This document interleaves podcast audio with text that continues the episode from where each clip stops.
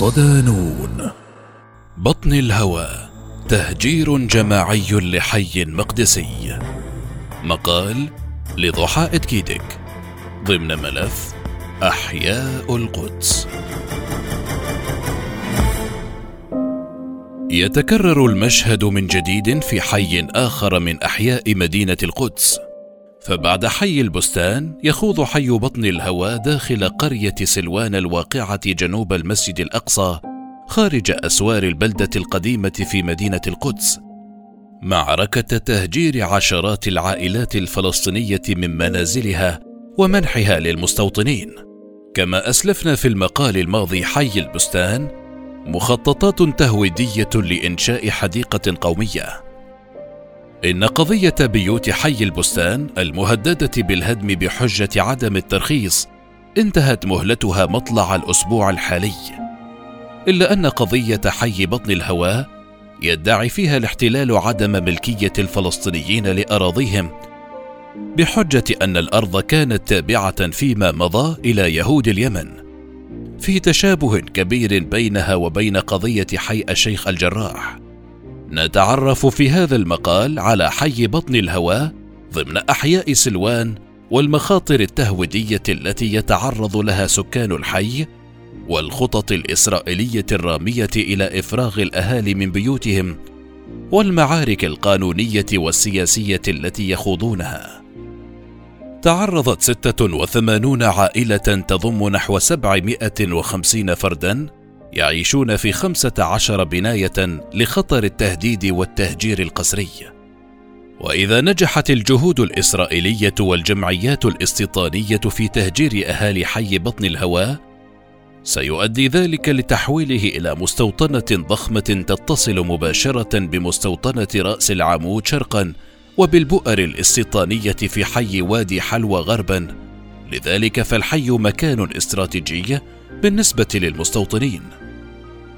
عن حي بطن الهواء يعتبر حي أو جبل بطن الهواء امتدادا لجبل الزيتون ويقع في الزاوية الشرقية للقدس فيفصله عنها وادي سلوان الذي يتصل بوادي قدرون في النقطة نفسها وبعد احتلال قرية سلوان عام 1967 صادر الاحتلال ما يزيد على 73 ألف دونم من أراضيها لإقامة المستوطنات والطرق الالتفافية. وبدأ الاستيطان في بلدة سلوان ببؤرتين في حي بطن الهواء عام 2004 عندما استولت جمعية عطيرة كهنيم الاستيطانية على منزل يعود لعائلة الرجبي فوضعت الجمعية الاستيطانية أول موطئ قدم لها في الحي. أضيف لها مركز شرطي للحراسة ثم تصاعدت عام 2014 عدد البؤر الاستيطانية لتبلغ ستة بؤر استيطانية تعيش فيها 23 عائلة من المستوطنين. وفي غضون ثلاث سنوات ازدادت نسبة الاستيطان في الحي ليصل العدد إلى 30 عائلة من المستوطنين. تزعم جمعية عطيرة كهنيم الاستيطانية أن ملكية المنازل في الحي تعود ليهود اليمن قبل عام 1948 وافتتحت عام 2018 في الحي مركز تراث يهود اليمن بادعاء أن كنيسا يعود ليهود اليمن كان قائما بالمكان وحمل اسم بيت العسل قديما.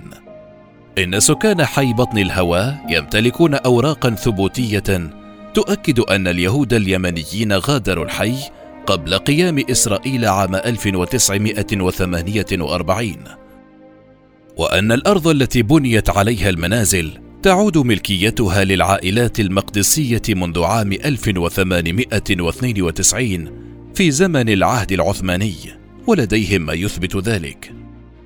أجرت منظمة بتسليم دراسة للحي وعاينت العمليات التي تجري في حي بطن الهوى وتفيد نتائج الدراسة أنه جرى تقسيم الحي إلى نحو خمسين قسما تسعة منها نقلت إلى عطرة كوهنيم وخمسة أخرى يسكنها المستوطنون بشكل فعلي.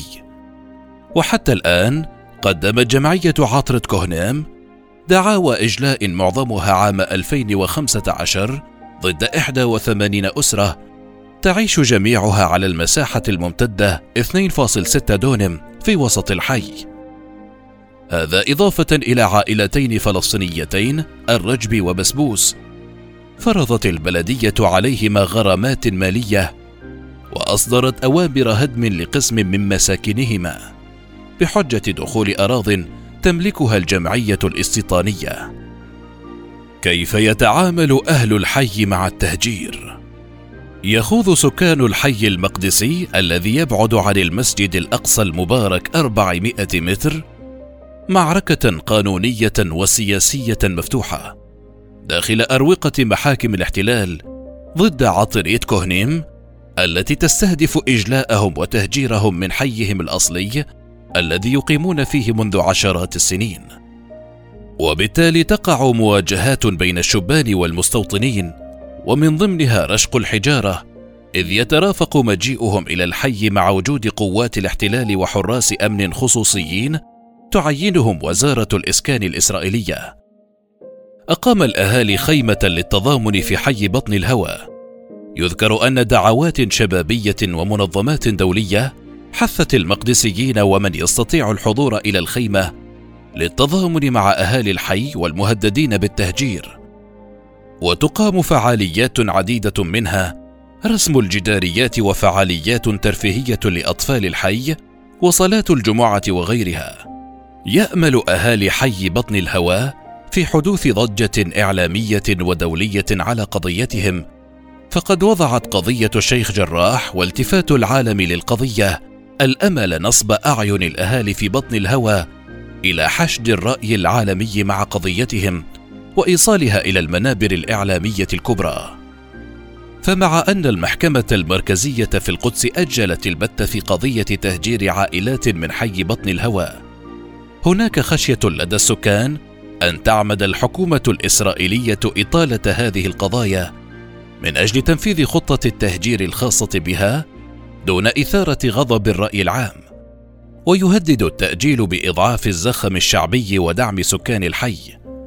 في حي بطن الهوى الواقع في قلب سلوان. تحدث كبرى عمليات الترحيل التي يشهدها شرقي القدس في هذه الفترة.